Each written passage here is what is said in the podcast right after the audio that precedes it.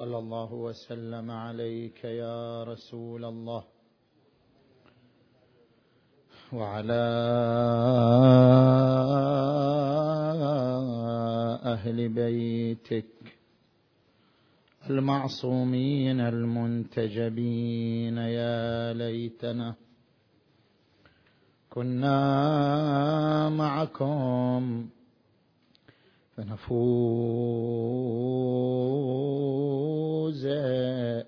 فوزا عظيما. أعوذ بالله من الشيطان الغوي الرجيم. بسم الله الرحمن الرحيم. ويقولون لولا أنزل عليه آية من ربه فقل إنما الغيب لله فانتظروا إني معكم من المنتظرين آمنا بالله صدق الله العلي العظيم.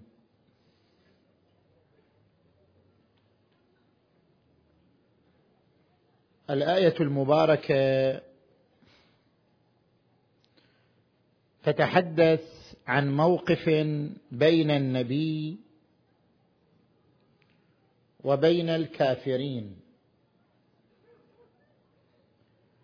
فالكافرون يطالبون النبي بآية أخرى غير القرآن الكريم. ويقولون لا نكتفي في تصديقك والإذعان بنبوتك بالقرآن الكريم. إننا نحتاج إلى آية أخرى تضم للقرآن الكريم كي تكون داعما لنبوتك ورسالتك. ويقولون لولا أنزل عليه آية من ربه يعني آية أخرى غير القرآن الكريم. والنبي صلى الله عليه وآله أخبرهم أن هناك آية أخرى. أي أن الله تبارك وتعالى لم يدعم نبوته بآية واحدة وهي القرآن الكريم. وإنما دعم نبوته بآيتين. فهناك آية أخرى غير القرآن الكريم. فقل إنما الغيب لله. يعني هناك آية أخرى ما زالت في مطاوي الغيب. وما زالت في خزائن الغيب. فقل إنما الغيب لله. فانتظروا ستأتي الآية الأخرى. فانتظروا إني معكم من المنتظرين. فما هي الآية الأخرى التي تكافئ القرآن الكريم؟ كما أن القرآن الكريم معجزة لا تقبل الشك والريب وتدعم نبوة النبي صلى الله عليه وآله. فما هي الآية الأخرى التي تكون معجزة أيضا؟ ولا تقبل الشك والريب وتدعم نبوة النبي صلى الله عليه وآله. شرق المفسرون وغربوا في تحديد الآية الأخرى ما هي؟ ولكن لم يصلوا إلى شيء. الرواية عن الإمام الصادق عليه السلام حددت لنا ما هي الآية الأخرى التي لا تقل عن القرآن الكريم في الإعجاز وستكون داعما واضحا لنبوة النبي صلى الله عليه وآله. قال الآية التي ينتظرها النبي وينتظرها الخلق ظهور قائم آل محمد.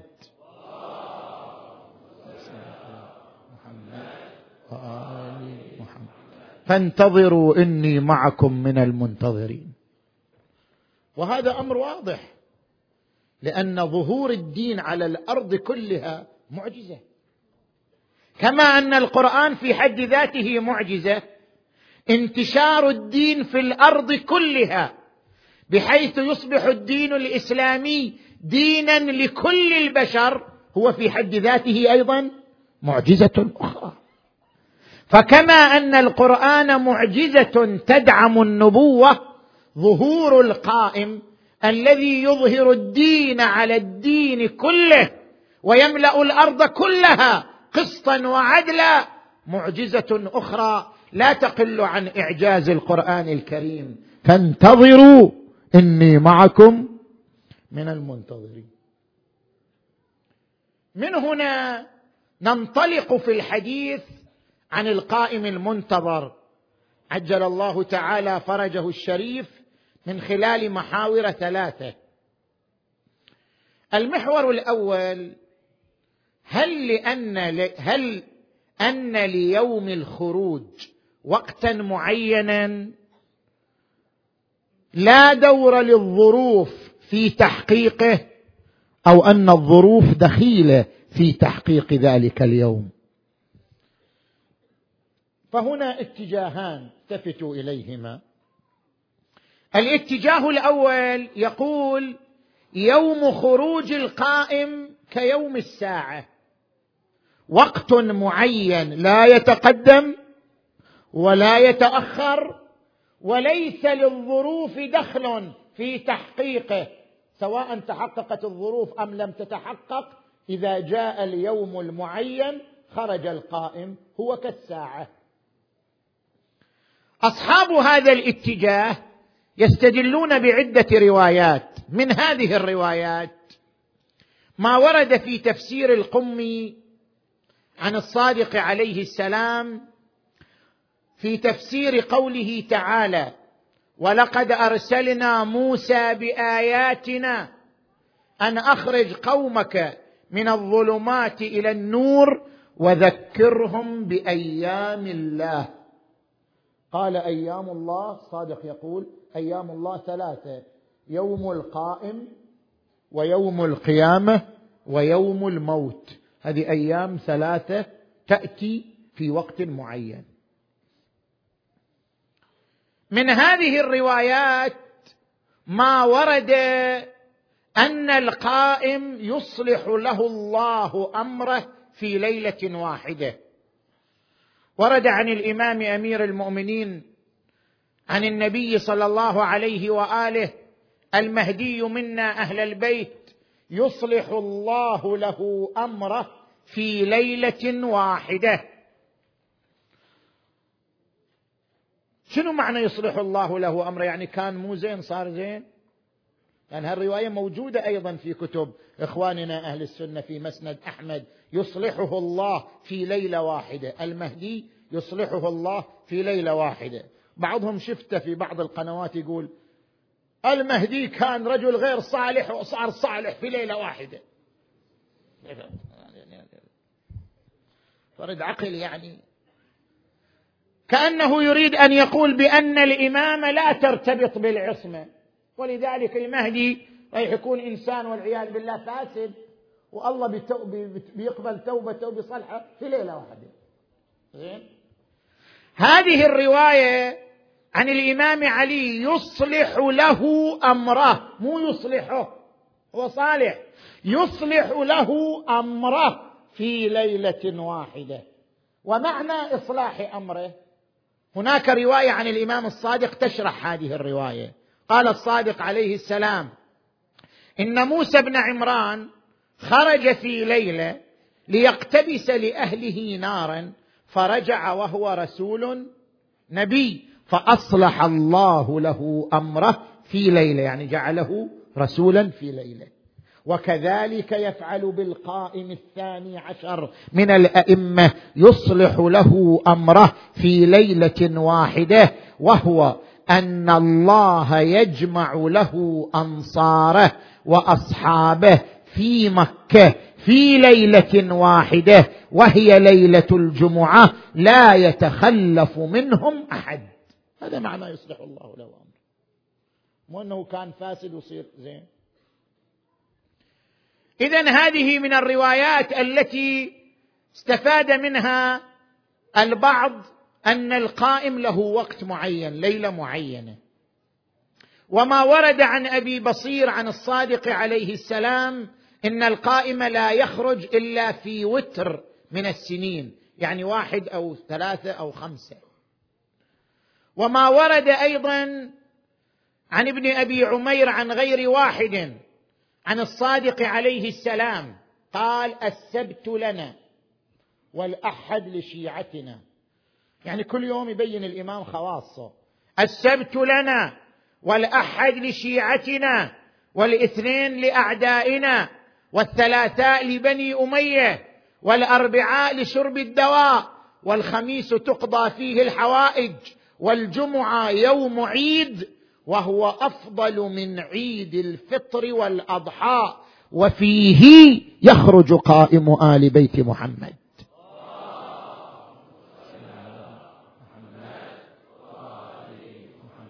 طبعا هذا أول خروج لأن الإمام له ظهور وله إعلان الظهور. الظهور يوم الجمعة في البيت الحرام بين الركن والمقام.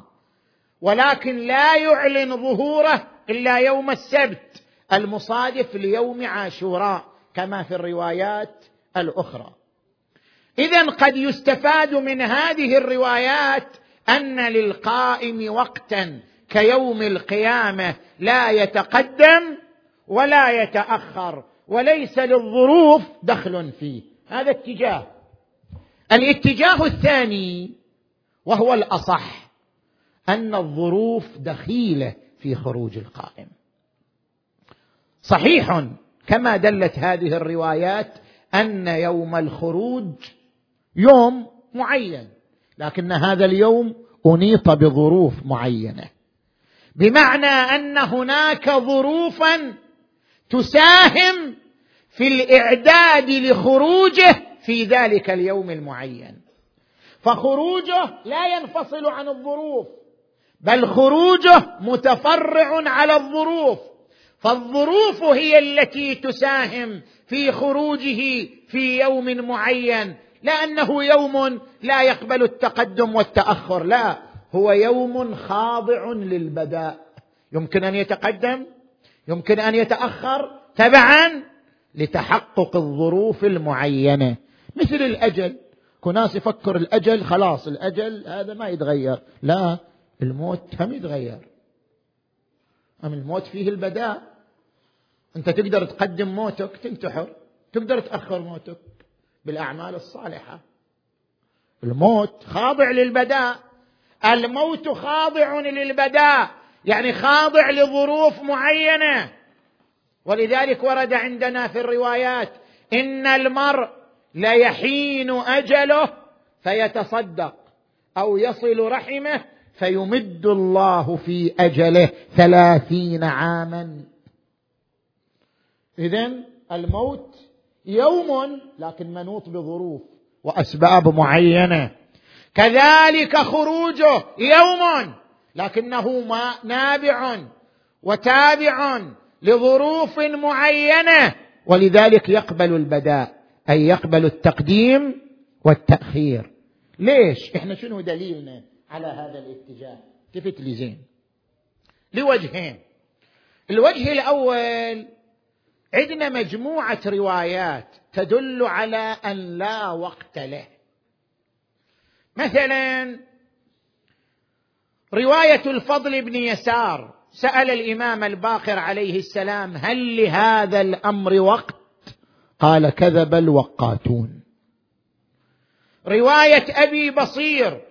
عن الباقر عليه السلام إنا لا نوقت إنا أهل بيت لا نوقت وأبى الله إلا أن يخالف وقت الموقتين. رواية ثالثة رواية أبي حمزة الثمالي عن الباقر عليه السلام قال إن الله وقت لهذا الأمر أربعين يعني سنة أربعين سنة من السنين. عفوا. إن الله وقت لهذا الأمر سبعين. فلما قتل الحسين بن علي اشتد غضب الله على أهل الأرض فوقته بمئة وأربعين. فلما حدثناكم وأذعتم حديثنا لم يجعل الله له وقتا. يمحو الله ما يشاء ويثبت عنده أم الكتاب. اذا وقت خروج خاضع للبداء أي أنه خاضع لظروف معينة. إذا تحققت خرج إذا تنجزت تلك الظروف خرج. هذا الوجه الأول. الوجه الثاني الدعاء الصحيح المعتبر الوارد. اللهم عجل فرجه. طيب إذا إلى وقت معين ما إلى معنى نقول عجل فرجه بعد صح ولا لا؟ إذا هو وقت معين لا يتقدم لا يتأخر. إذا لا معنى للدعاء. نفس هذا الدعاء. اللهم عجل فرجه. هو بنفسه دليل على أن وقته قابل للتقديم والتعجيل. إذا تحققت ظروفه وتنجزت أسبابه. لذلك واحد يقول وش يفيد دعائنا يفيد دعائه الدعاء من أسباب تعجيل خروجه. نفس الدعاء دعاء المؤمنين هو من أسباب تعجيل خروجه ومن أسباب تقديم يومه. صلوات الله وسلامه عليه وعلى آبائه. اذا خروج الإمام منوط بظروف معينة. ما هي هذه الظروف؟ أهمها ظرفان. الظرف الأول فشل جميع الإيديولوجيات. بمعنى أن البشرية ستجرب جميع الأنظمة السياسية وستجرب جميع الأنظمة الاقتصادية. إذا أدركت البشرية فشل جميع الأنظمة وعقم جميع السياسات وأنها ما زالت ترزح تحت الجوع والفقر والخوف من دون خلاص حينئذ سيكون الظرف مهيئا ومعدا لخروج المنتظر عجل الله تعالى فرجه الشريف. وهذا تدل عليه روايات. منها ما عن الباقر عليه السلام قال دولتنا آخر الدول ولا يبقى قوم لهم دولة إلا ملكوا قبلنا. كل ناس يريدوا يملكوا سيملكون قبلنا. لئلا يقولوا إذا رأوا دولتنا لو ملكنا لسرنا مثل سيرة هؤلاء. وذلك قول الله تعالى والعاقبة للمتقين. دولتنا آخر الدول. الظرف الثاني يا إخوان هو الظرف الروحي.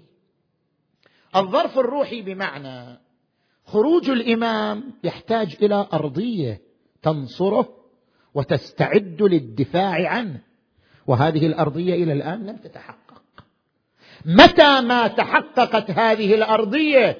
يعني وجود أنصار مستميتين في الدفاع عن دولته كزبر الحديد متى ما تحققت هذه الأرضية؟ كانت ظرفا آخر مؤهلا لخروجه صلوات الله وسلامه عليه. الآن أقرأ لك هذه الرواية في رواية أبي خالد الكابلي عن زين العابدين عليه السلام قال يا أبا خالد إن أهل زمان غيبته القائلين بإمامته المنتظرين لخروجه هم أفضل أهل كل زمان. أهل زمان الغيبة أفضل أهل كل زمان. هم المخلصون حقا وشيعتنا صدقا والدعاة إلى دين الله سرا وجهرا. اذا هناك جماعة نخبة يعدهم الله تبارك وتعالى لخروجه وهم أقطاب دولته وأركان حكومته صلوات الله وسلامه عليه.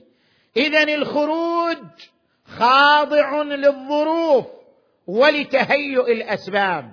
هذا ما أردنا بيانه في المحور الأول. نجي الآن إلى المحور الثاني. صلوا على محمد وآل محمد.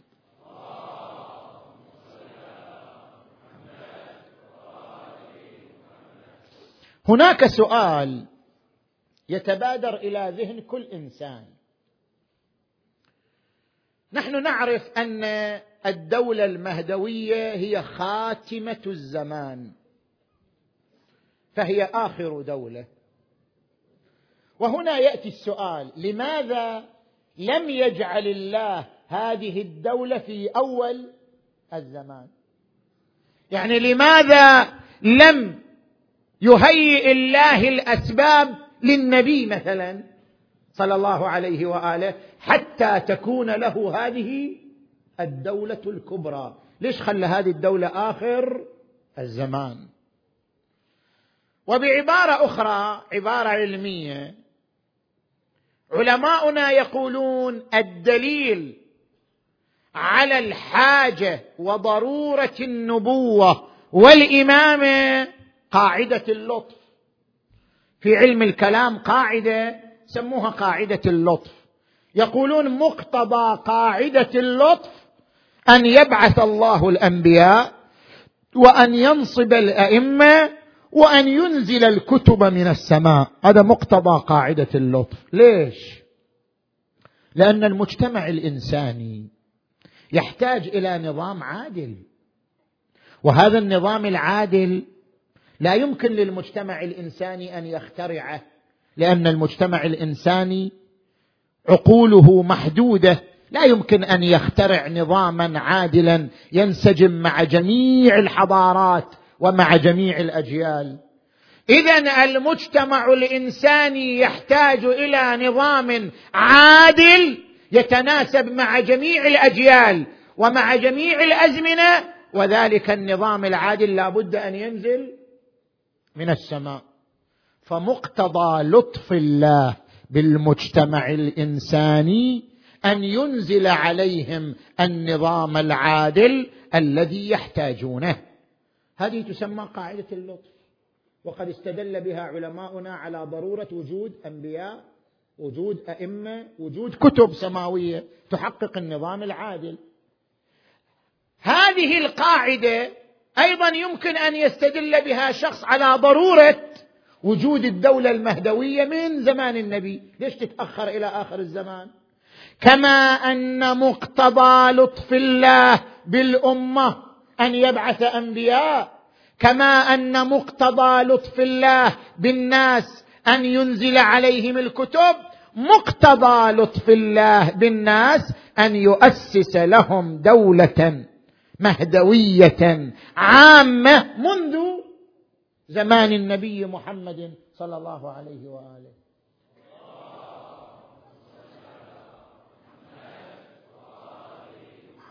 فلماذا تأخرت الدولة إلى آخر الزمان؟ شنو السر؟ شنو الحكمة؟ ما هي الحكمة في تأجيل الدولة العامة إلى آخر الزمان؟ ما هو السر في تأخيرها إلى آخر الزمان؟ ما هي الحكمة؟ الآن أبين لك هذا الموضوع التفت الي جيدا. هنا أمور ثلاثة التفت إليها. الأمر الأول يقول الفلاسفة المادة منشأ النقص والتجرد منشأ الكمال. كيف المادة منشأ النقص والتجرد منشأ الكمال؟ الإنسان مادي جسم مادي موجود على الأرض. لأنه مادي فهو ناقص. المادة منشأ للنقص. الوجود المادي هذا منشأ للنقص. كيف؟ لأن الوجود المادي يا إخوان محفوف بحاجبين كبيرين حاجب الزمان وحاجب المكان. أنت ما تقدر تتحرر لا من الزمان ولا تقدر تتحرر من المكان. ليش؟ لأنك مادي. فصارت المادة منشأ للنقص. يعني الآن أنا مثلا أنا الآن في هذا المكان. لا أستطيع أن أعلم بما خلف الجدار. ليش؟ المكان يحجبني. ما دمت مادة والمادة تشغل حيزا من الفراغ فلا يمكن لهذه المادة التي تشغل حيزا من الفراغ أن تشغل الأمكنة كلها. لازم تشغل مكان معين. صار المكان حاجب. المكان يحجبني أن أعلم ما وراء المكان. وكذلك الزمان. أنا الآن في الساعة الثامنة والنصف. ما أدري شنو رايح يصير الساعة التاسعة. ما أدري. الزمان يمنعني أن أدري. اذا المادة تشغل مكان فيحجبها المكان عن الامتداد لما وراءه. وتشغل زمان فيمنعها الزمان عن أن تحيط بما وراءه. الزمان والمكان حجابان يمنعان الإنسان عن رؤية ما وراء الزمان ورؤية ما وراء المكان. كل هذا لأن الإنسان مادي. بينما المتجرد عن المادة مثل الملك لا يحجبه زمن ولا يحجبه مكان. الملائكة تعلم ما وراء المكان لأنه لا يحجبها مكان. وتعلم ما وراء الزمان لأنه لا يحجبها زمان. فالمادي وهو أنا ناقص لأنني مبتلى بحجابين وهما الزمان والمكان. بينما المجرد كالملك كامل لأنه لا يحجبه زمان ولا مكان. فالمادة منشأ النقص والتجرد منشأ الكمال. شوف الآن شنو الفرق بين الروح قبل ما تصير في عالم المادة والروح بعد ما تصير في عالم المادة. إحنا كنا أرواح قبل أن ننزل لهذا العالم. كنا أرواح في عالم الذر. لما كنا أرواح كنا مجردين ما كنا مادة. لما كنا في عالم الذر كنا نعيش كمالا وهو رؤية ملكوت الله تبارك وتعالى. كل روح من أرواحنا كانت تشاهد ملكوت الله تبارك وتعالى وتسبح الله لرؤيتها ذلك الملكوت. ورؤية الملكوت كمال وأي كمال؟ القرآن الكريم يقول وكذلك نري إبراهيم ملكوت السماوات والأرض وليكون من الموقنين. كل روح بشرية قبل أن تنزل إلى عالم الدنيا كانت ترى الملكوت وتشاهده وتسبح الله لأجله فهي تعيش كمالا فعليا. نزلت إلى عالم المادة ارتبطت بالجسد. صار الجسد مثل السجن مثل القفص. صار يحجبها الزمان والمكان. خرجت من الكمال إلى النقص. صارت محفوفة بالزمان والمكان بعد أن كانت متجردة ومتحررة من الزمان والمكان. لاحظت شلون؟ هذا الأمر الأول. الأمر الثاني التفتوا يا إخوان.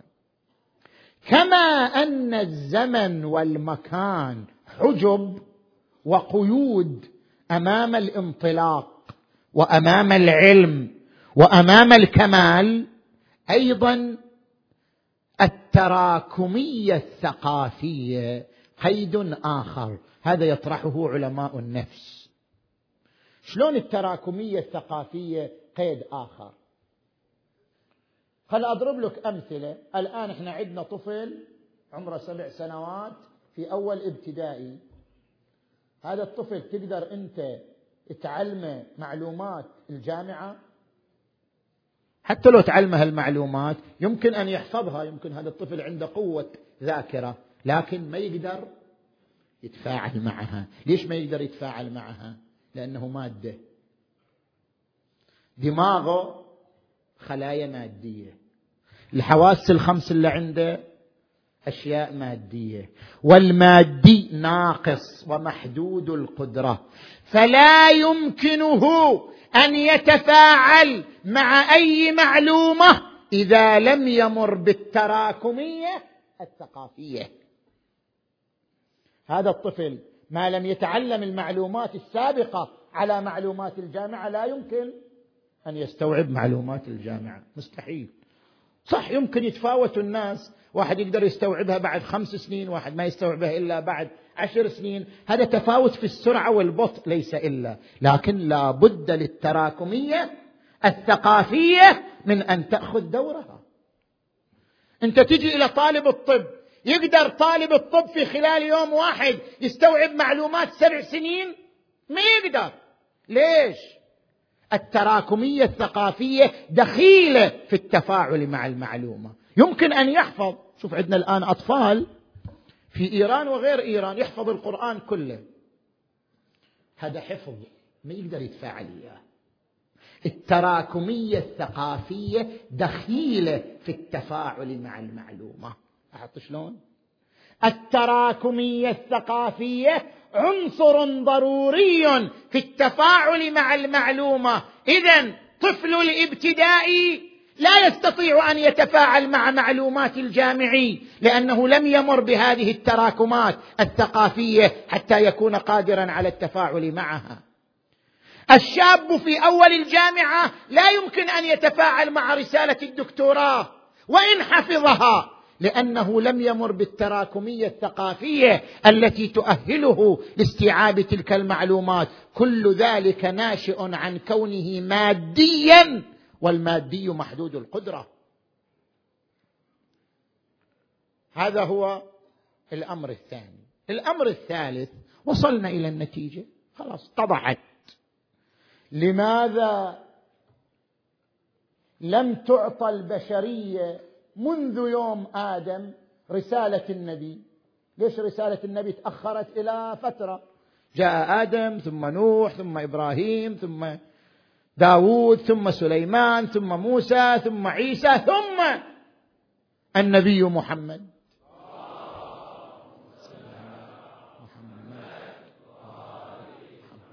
ما هو السر في تأخير رسالة الإسلام؟ لما بعد آلاف السنين من تاريخ البشرية. السر في تأخير رسالة الإسلام لما بعد آلاف السنين هو حاجة البشرية للتراكمية الثقافية حتى تكون مؤهلة لاستيعاب رسالة الإسلام. لو أعطيت البشرية رسالة الإسلام منذ يوم نوح لما تفاعلت معها. ولاصبحت الرسالة فاشلة. الرسالة الإسلامية تحتاج إلى مستوى من الثقافة تمر به البشرية حتى تكون مؤهلة لاستيعاب هذه الرسالة. اذا كما أن الله أجل رسالة النبي إلى ما بعد آلاف السنين من تاريخ البشرية كذلك أجل الدولة المهدوية. إلى آخر الزمان. لماذا؟ لأن الدولة المهدوية تحتاج إلى مستوى ثقافي وحضاري لا تملكه البشرية إلى الآن. إلى الآن البشرية ما تملك المستوى الثقافي والحضاري الذي يؤهلها للتفاعل مع دولة الإمام المهدي. وهذه النقطة رايح ابحثها أبحثها بعمق ليلة السابع من المحرم إن شاء الله. الدولة المهدوية تحتاج إلى مستوى من النضج والثقافة والحضارة لدى المجتمع البشري لكي يستطيع أن يتفاعل مع معلومات هذه الدولة مع قوانين هذه الدولة مع أنظمة هذه الدولة حيث إن البشر لم يصل إلى هذا المستوى. لذلك لم يحن موعد الدولة بعد. ولو أعطيت الناس الدولة الخاتمية منذ زمن النبي أو زماننا هذا لكانت دوله فاشلة. لا يستفيد منها الناس. قال الان أضرب لك أمثلة واضحة. في زمن الإمام علي عليه السلام. الإمام علي ليش كان متأذي؟ كان يقول يا كميل انها هنا. لعلما جما لو أصبت له حملة. يعني ما عندي أحد يفهمني. أنا سابق زماني. أنا سابق وقتي. انها هنا لعلما جما. لو أصبت له حملة. ليش؟ يعني أنت تشوف الإمام علي مثلا يقف على نهر الفرات ويقول لو شئت أن أخرج لكم من هذا الشلال نورا لأخرجت. الناس ما تفهم الكهرباء ذلك الوقت. ما تفهم الربط بين الماء والكهرباء. اذا هذا قاعد يتكلم عن معلومة سبقت زمانه. لا يستطيع الناس أن يتفاعلوا معها. الناس كانت تقرأ القرآن وتقرأ قوله تعالى وترى الجبال تحسبها جامدة وهي تمر. مر السحاب صنع الله الذي أتقن كل شيء. ولم تكن تفهم هذه الآية. الناس ما كانت تفهمها. في زماننا فهمت الناس أن الأرض متحركة.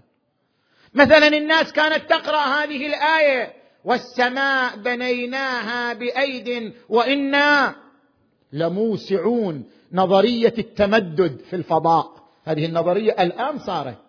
ما كانت الناس تدري عن هذه النظرية زمن نزول الآية.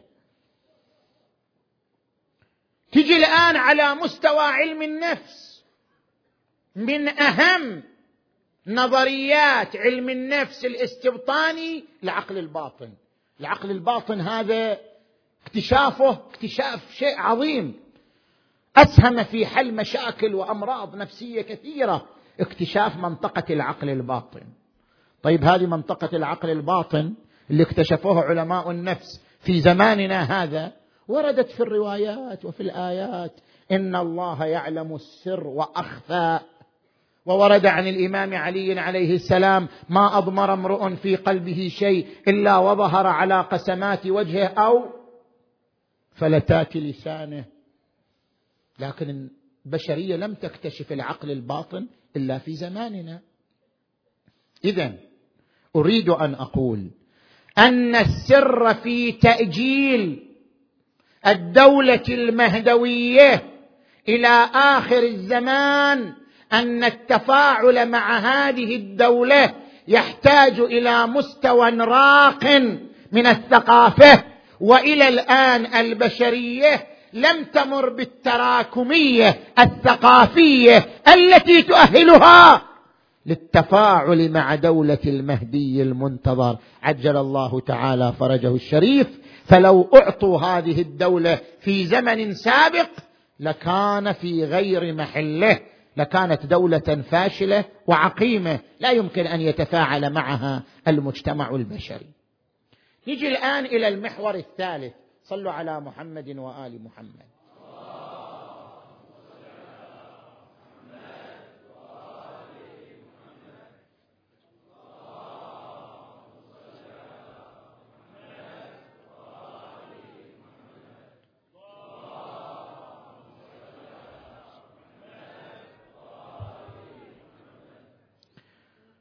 ذكرنا أن خروج الإمام المنتظر منوط ومرهون بظروف معينة.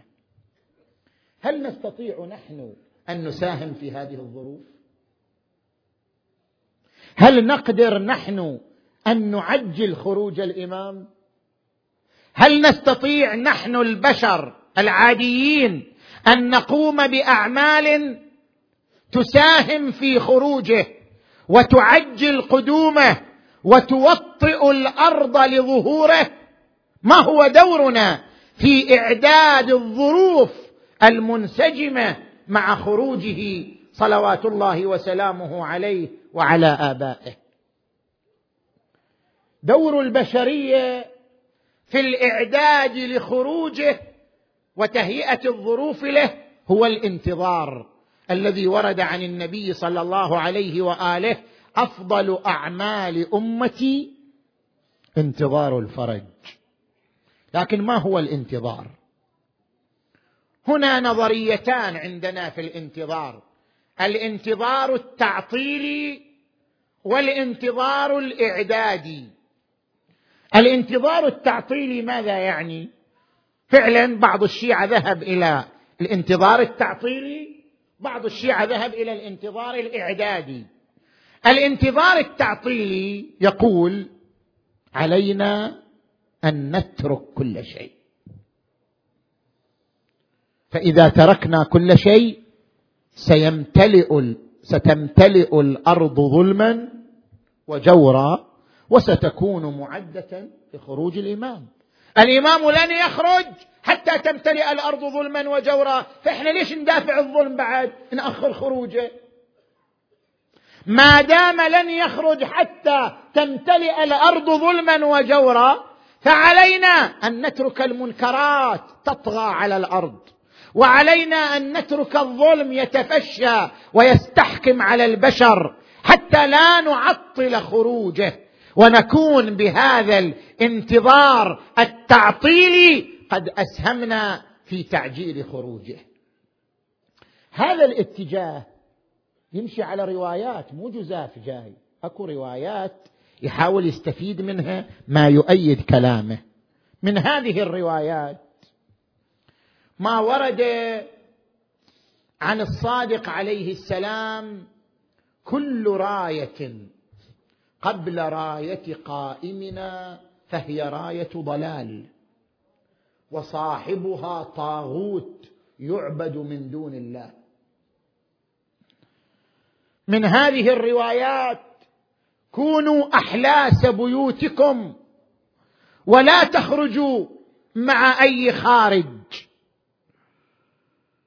من هذه الروايات مثلا التي تذم الخروج وتذم الاستعجال. ما ورد من أنه إن النفس واحدة فانظروا مع من تخرجون. هذا هو الاتجاه التعطيلي. نحن نؤيد الاتجاه الثاني وهو الاتجاه الإعدادي. الانتظار بمعنى الانتظار الإعدادي. لماذا؟ التفتوا يا إخوان. قول النبي صلى الله عليه وآله أفضل أعمال أمتي انتظار الفرج. ماذا يعني الانتظار؟ الانتظار له مدلولات ثلاثة. مدلول عقائدي مدلول إداري مدلول سلوكي. المدلول العقائدي الانتظار يعني أن تعتقد أن الله قادر على أن يحفظ إنسانا هذا العمر الطويل لأجل أن يدخره لهدف عظيم. هذا الاعتقاد في نفسه عظيم. عمل عظيم. إذا أنت تعتقد هذا الاعتقاد. أن تعتقد أن الله عز وجل قادر على أن يحفظ هذا الإنسان من كل سوء ومن كل شر لأجل أن يدخره إلى ذلك اليوم الموعود. هذا الاعتقاد في حد ذاته انتظار وتثاب عليه. ترى آخر الزمان رايحين يعدلوا الناس عن ذلك. عندنا روايات تدل على هذا. إن ولدي يغيب غيبة لا يبقى على الإيمان به فيها إلا النزر القليل وسيقول أكثرهم مات أو هلك في أي واد سلك. اذا البقاء على الاعتقاد بالغيبة هذا يعتبر عملا عظيما لأنه سيأتي زمان يتراجع كثير من الناس عن الاعتقاد بالغيبة ويقولون مات أو هلك في أي واد سلك. اذا هذا المدلول العقائدي للانتظار. المدلول الآخر للانتظار المدلول الإداري. إيش معنى المدلول الإداري؟ نحن نريد أن نعد الأرض لخروجه لكن علينا أن لا نوقت للأمر. مع الأسف الآن بعض القنوات الشيعية يطلع ويجي يوقت أوقات. الإمام رايح يطلع بعد كذا سنة. استعدوا ترى الرايات طلعت. ترى اليماني فلان ترى الخراساني فلان ترى السفياني فلان. هذا التوقيت منهي عنه. نحن قرأنا الروايات قبل قبل دقائق. كذب الوقاتون. إنا أهل بيت لا نوقت. وأبى الله إلا أن يخالف وقت الموقتين. ليش؟ ليش النهي عن التوقيت؟ لأننا لو حددنا له وقتا معينا لاستغل من قبل الظالمين في إعاقة خروجه. لو قلنا بأن المهدي يخرج بعد خمس سنوات مثلا كانت هذه فرصة ثمينة للطغاة والظالمين في نشر العوائق والعقبات أمام حركته وأمام خروجه. التوقيت يعطي فرصة لاستغلال الظالمين. أيضا التوقيت يعطي فرصة لعجلة المستعجلين. أكو ناس مستعجلين حمقى. يعني الآن تقول له هذا العمل يحتاج لمراحل ثلاث هو يبدأ بالمرحلة الثالثة. هناك أناس لضعف عقولهم لا يستطيع أن يمشي بالعمل على ضوء مراحل وإنما يستعجل. لذلك ورد في الرواية المعتبرة كذب الوقاتون وهلك المستعجلون. ونجا المسلمون. اذا اذا الانتظار إلى مدلول إداري وهو عدم التوقيت من أجل أن لا يكون التوقيت فرصة لاستغلال الظالمين ولا فرصة لعجلة المستعجلين. المدلول الثالث وهو المدلول السلوكي. الانتظار إعداد الأرض من خلال حركة الأمر بالمعروف والنهي عن المنكر. كيف اعداد الأرض من خلال حركة الأمر بالمعروف والنهي عن المنكر؟ اولا عندنا أدلة عامة ولتكن منكم أمة يدعون إلى الخير ويأمرون بالمعروف وينهون عن المنكر ولم تخصص هذه الأدلة بزمن دون زمن. اذا علينا تطبيق هذه الأدلة. بل إن النبي صلى الله عليه وآله يذم آخر الزمان لأنهم يتركون الأمر بالمعروف. ورد عنه صلى الله عليه وآله كيف بكم إذا فسق شبابكم وفسدت نساؤكم وتركتم الأمر بالمعروف والنهي عن المنكر؟ قالوا أيحصل ذلك يا رسول الله؟ قال بلى وتأمرون بالمنكر وتنهون عن المعروف. اذا لو كان الانتظار يعني تعطيل حركة الأمر بالمعروف والنهي عن المنكر لما ذم الرسول قوم آخر الزمان لأنهم تركوا مسؤولية الأمر بالمعروف والنهي عن المنكر. هذا اولا. ثانيا هذه الروايات التي وردت في ذم الرايات كل راية خرجت قبل راية قائمنا فهي راية ضلال وصاحبها طاغوت يعبد من دون الله. المقصود بها راية الشخص الذي يدعو إلى نفسه. أما الشخص الذي يدعو لآل محمد كيف يصير طاغوت يعبد من دون الله؟ أو شخص يدعو للأمر بالمعروف والنهي عن المنكر كيف يصير طاغوت يعبد من دون الله؟ إذا نفس اللسان في هذه الروايات هو شاهد على أن الرايات المذمومة الرايات التي تدعو لنفسها. وعندنا في الروايات قرائن. مثلا قول الإمام لا تخرجوا مع أي خارج ولا تقولوا خرج زيد. ليش؟ لأن زيدا عالم صدوق. ما دعاكم إلى نفسه وإنما دعاكم إلى الرضا من آل محمد.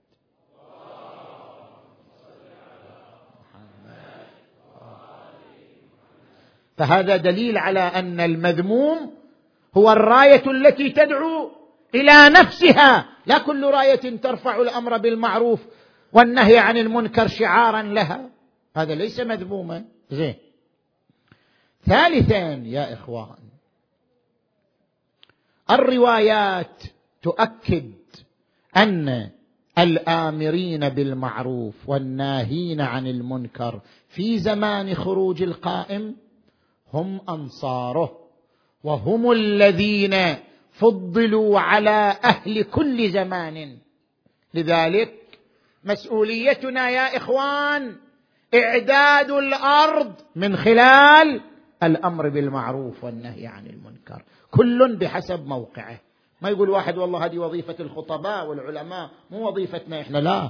كل شخص مسؤول عن حركة الأمر بالمعروف والنهي عن المنكر كل بحسب موقعه. شلون؟ المدرس إذا أخلص في تدريسه واعتبر التدريس رسالة وليس مهنة وحرفة هذا المدرس يعتبر منتظر لخروج الإمام لأنه مخلص في تدريسه مخلص في إيصال المعلومة إلى الطالب. الطبيب الذي يخلص في عمله ويتعب نفسه في علاج المريض وتخليصه من الألم منتظر للإمام لأنه يعمل بإخلاص. وقل اعملوا فسيرى الله عملكم. ما قال عطل الأعمال؟ فسيرى الله عملكم ورسوله والمؤمنون. الأب المراقب لأسرته. مع الأسف إحنا متخلفين في هذا الجانب كثيرا. الأب لا يلتفت لحجاب ابنته. الزوج ما يلتفت لحجاب زوجته. بناتنا الآن تجلس على مواقع الإنترنت وتجلس على النت وتدخل في كل مكان وتشاهد الأفلام المختلفة من دون رقيب ولا عتيد ولا نظر من الأب ولا من الأم. قوا أنفسكم وأهليكم نارا. وقودها الناس والحجارة. عليها ملائكة غلاظ شداد. لا يعصون الله ما أمرهم ويفعلون ما يؤمرون. العامل في الجمعية الخيرية منتظر للإمام إذا أخلص في عمله. العامل في لجان كافل اليتيم منتظر للإمام إذا أخلص في عمله. العامل في المآتم في المساجد في المواكب. منتظر للإمام إذا أخلص في عمله. اذا الطريق هو الإخلاص. كل من أخلص في عمله وجعل عمله لله وحاول أن يتقن العمل بقدر ما يستطيع فهو ممن ينتظر الإمام وهو ممن يعد الأرض ويوطئها لخروج الإمام. فقد ورد في الرواية عن الإمام الصادق عليه السلام انتظار الفرج من أعظم الفرج. يعني الانتظار إعداد للخروج. فإذا أعددنا تعجل الخروج. انتظار الفرج من أعظم الفرج. الانتظار إعداد والإعداد بالأمر بالمعروف والنهي عن المنكر. وكل بحسب موقعه وكل بحسب مكانه. فالأمر بالمعروف هو شعار الأنبياء شعار الأولياء شعار الأوصياء شعار كربلاء شعار أبي عبد الله الحسين الذي كتب لأخيه محمد بن الحنفية ما خرجت أشرا ولا بطرا ولا مفسدا ولا ظالما وإنما خرجت لطلب الإصلاح في أمة جدي أريد أن آمر بالمعروف وأنهى عن المنكر. فأبى أن يعيش إلا عزيزا. أو تجلى الكفاح وهو صريع كيف يلوي على الدنية جيدا لسوى الله؟ ما لواه الخضوع بأبي وأمي ساق رحاله إلى العراق. مشمرا ناصحا إلى أن في الطريق وقف أمامه الحر بزهاء ألف فارس. وقال أمرني الأمير أن لا أتركك حتى آتي بك إليه. قال الحسين والله لا أتبعك. قال الحر والله لا أدعك. قال الحسين ثكلتك أمك يا حر. ما تريد أن تصنع؟ روعت قلوب آل بيت رسول الله. هذه الكلمة أثرت على الحر كثيرا وتراجع عن موقفه. قال اذا يا أبا عبد الله خذ طريقا لا يرجعك المدينة ولا يدخلك الكوفة حتى يكون عذرا لي عند الأمير. عظم الله أجوركم. قال الحسين من يدل الطريق؟ قال الطرماح أنا أدل الطريق.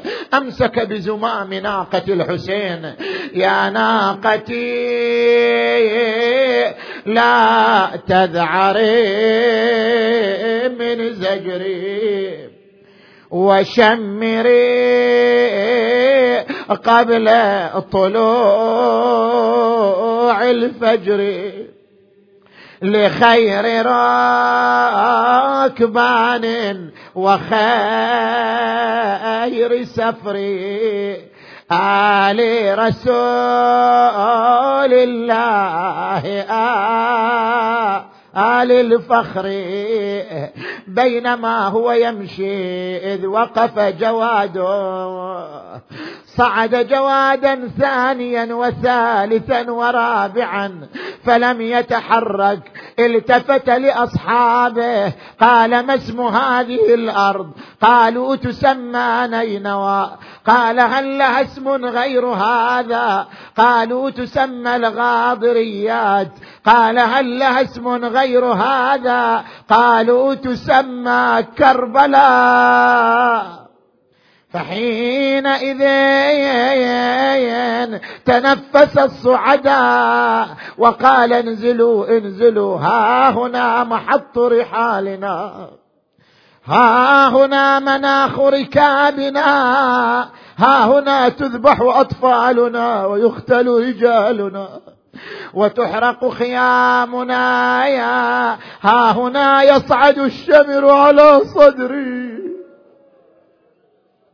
ويضع سيفه في نحري. انزلي يا زينب. انزلنا أيها النساء والأطفال.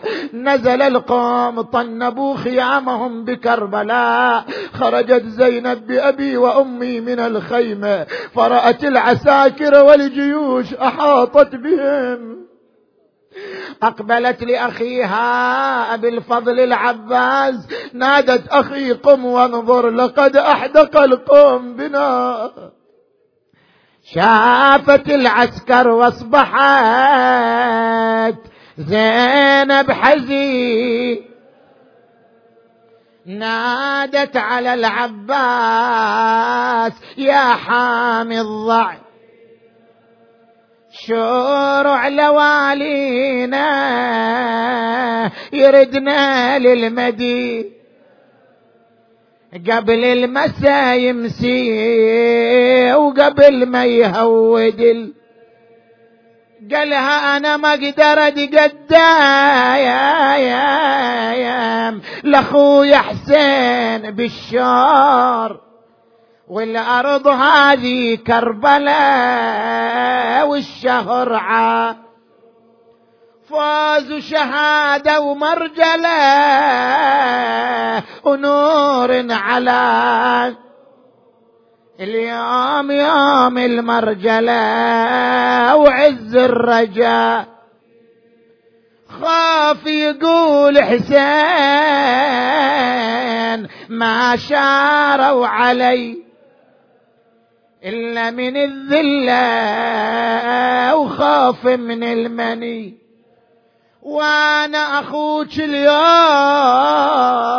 جيدوم السرية الموت ما هذا ولا خيالة الخ معرسهم فيها بعرصة كربلاء اللهم بحق الحسين الوجيه وجده وأبيه وأمه وأخيه والتسعة من بنيه. اللهم كن لوليك الحجة ابن الحسن صلواتك عليه وعلى آبائه. في هذه الساعة وفي كل ساعة وليا وحافظا وقائدا وناصرا ودليلا وعينا حتى تسكنه أرضك طوعا وتمتعه فيها طويلا. اللهم اشف مرضانا بحقه واقض حوائجنا بحقه وارحم أمواتنا وأموات المؤمنين والمؤمنات وإلى أرواح أموات الجميع بلغ ثواب الفاتحة. تسبقها الصلوات.